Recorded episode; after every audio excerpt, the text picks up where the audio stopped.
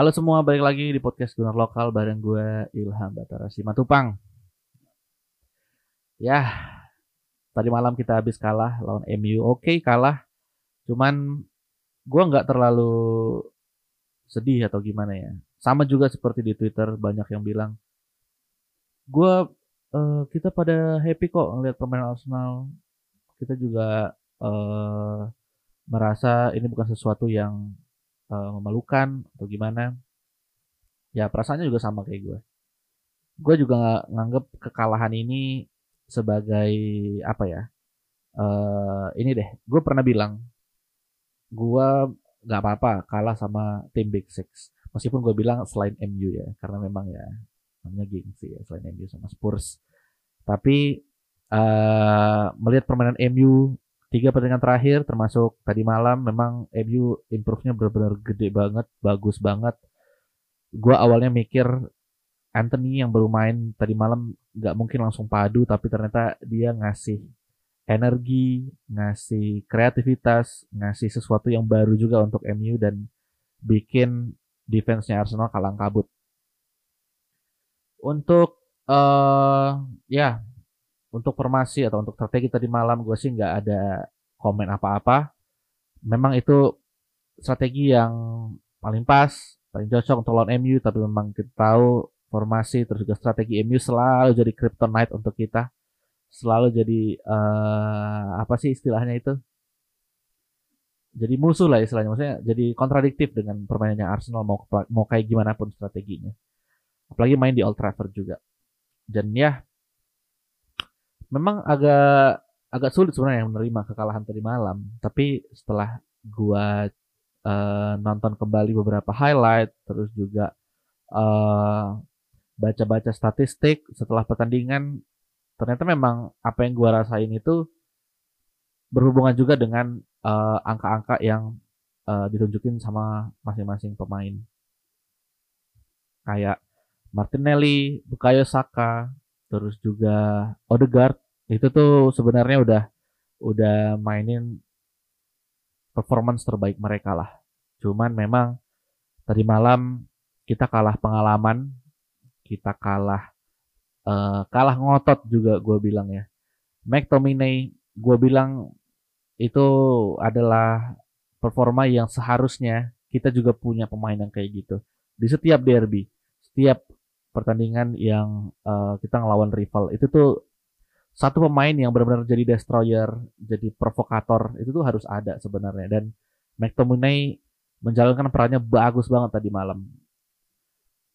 Padahal ya kita tahu McTominay juga nggak terlalu fantastis fantastis banget jadi DM ya. Bahkan fans-fans MU sering banyak yang uh, tidak suka terus juga kurang apa ya kurang setuju lah kalau McTominay main terus.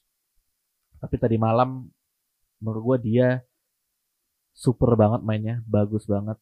Benar-benar bisa merobek dan menghancurkan sisi tengah dari Arsenal bikin mereka bingung uh, Granit Xhaka Gabriel Jesus yang sering turun ke tengah terus juga Odegaard itu nggak lepas dari hadangannya McTominay dan terus juga uh, mental.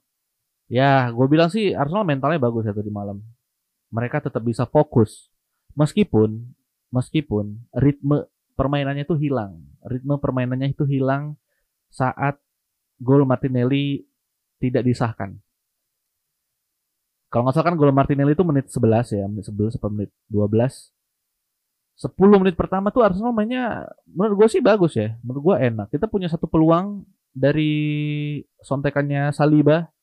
Cuman ya kita tahu Saliba memang bukan poacher, bukan fox in the box. Jadi tendangannya juga nggak bisa ya melambung tinggi lah. Padahal itu kalau mungkin kalau striker yang proper mungkin minimal bisa on target. Ya kita uh, lumayan mendominasi 10 menit terakhir sampai akhirnya nyetak gol Cuma memang sayang dan menurut gue itu memang foul ya, memang pelanggaran dan emang ya sebenarnya tanpa perlu VAR tuh udah tahu lah itu sebenarnya pelanggaran jadi nggak perlu lagi.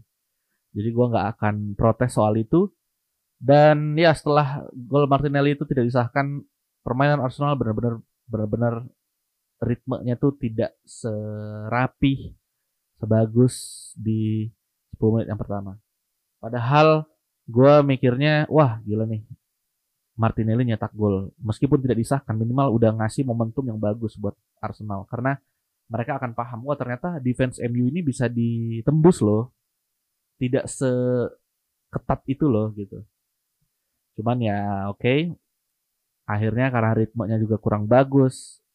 Terus juga banyak eh, keputusan-keputusan di final end di kotak penalti yang sebenarnya nggak jelas ya ada beberapa crossing mendatar dari Bukayo Saka cutback Odegaard juga uh, tujuannya tuh nggak nggak nyampe ke pemain yang dituju.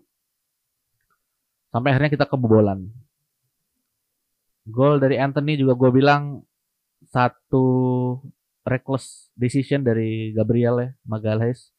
Menurut gue nggak perlu itu di tackle langsung ambil kayak gitu di cover aja di cover tuh. Kalau nggak salah yang bawa bola itu si um, Erikson ya. Erikson atau Malaysia gue lupa. Atau Rashford. Enggak Rashford yang ngasih assist.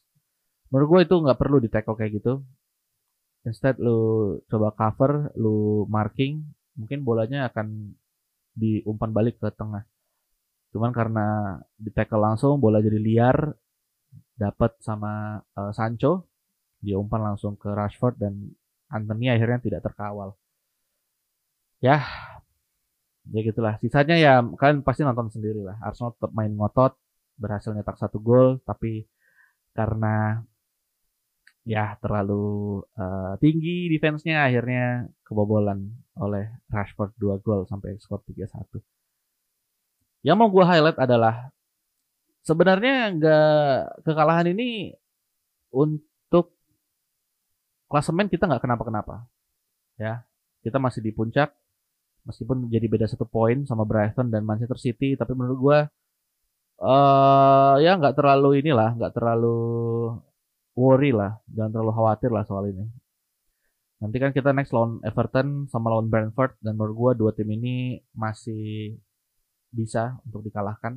Apalagi pemain inti kita kan sebenarnya udah balik lagi kan kemarin. Zinchenko, Ramsdale, Odegaard, Fabio Vieira juga udah main dan menurut gue ya uh, untuk Premier League gue nggak terlalu masalah lah. Dan gaya main Arsenal tadi malam yang benar-benar nunjukin uh, kualitas baru dari Arsenal ya meskipun kalah tapi mainnya tuh bagus banget sebenarnya kita menurut gue ya balik lagi ya kurang hoki aja kurang beruntung aja sama kurang kurang pengalaman memang ya kita kan uh, Gabriel Jesus benar-benar di di keep sama Varan. Dia bahkan bisa melewati beberapa kali Lisandro Martinez sampai akhirnya Martinez diganti. Tapi ya tetap itu tidak cukup. Dan ya uh, yang gue jadinya setelah nonton nonton match tadi malam bikin gue jadi nggak sabar lagi untuk nonton Arsenal. Match paling dekat itu kan lawan Zurich di uh, Europa League. Jadi bikin nggak sabar itu karena gue pengen lihat nih bounce back-nya kayak gimana Arsenal. Ya. Habis kalah nih untuk pertama kali musim ini gimana bounce back-nya? Apakah loyo atau bisa bangkit langsung? Itu yang bikin gue penasaran. Karena kita kan belum pernah kalah nih. Ya, 5 match terus akhirnya kalah tadi malam lawan MU.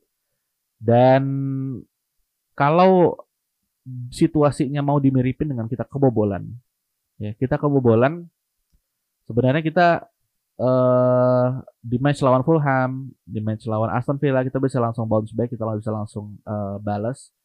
Di MU juga kita kan sempat nyamain kedudukan ya sampai akhirnya kita kebobolan dua gol yang menurut gue aduh sayang banget gitu kebobolannya kayak begitu.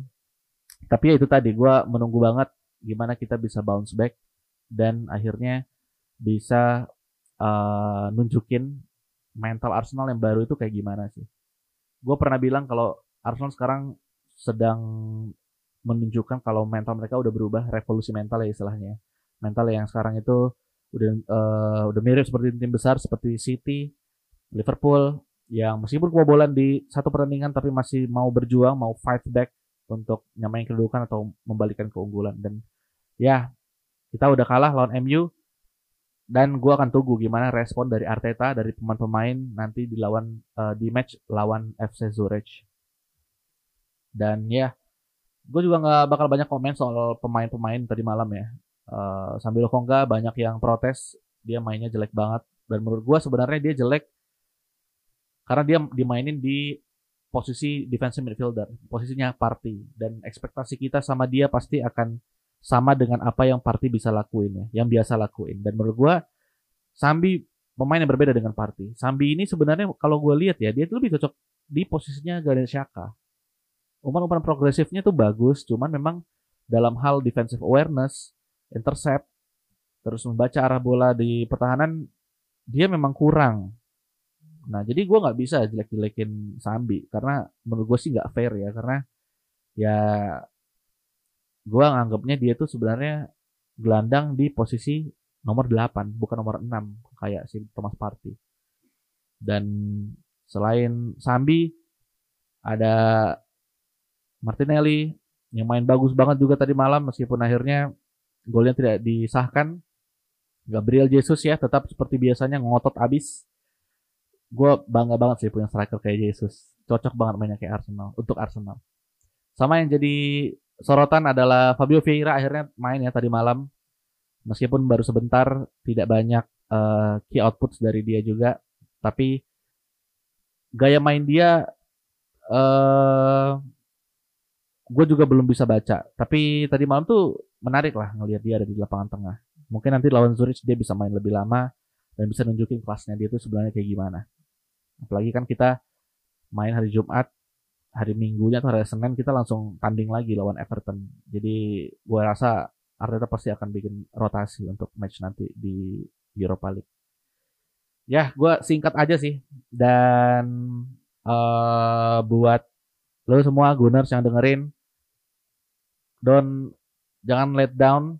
Kita harus move on. Match tadi malam memang menurut gue kita layak kalah lawan MU. Tapi ingat yang harus kita tunggu adalah gimana respon Arteta dan pemain di match selanjutnya.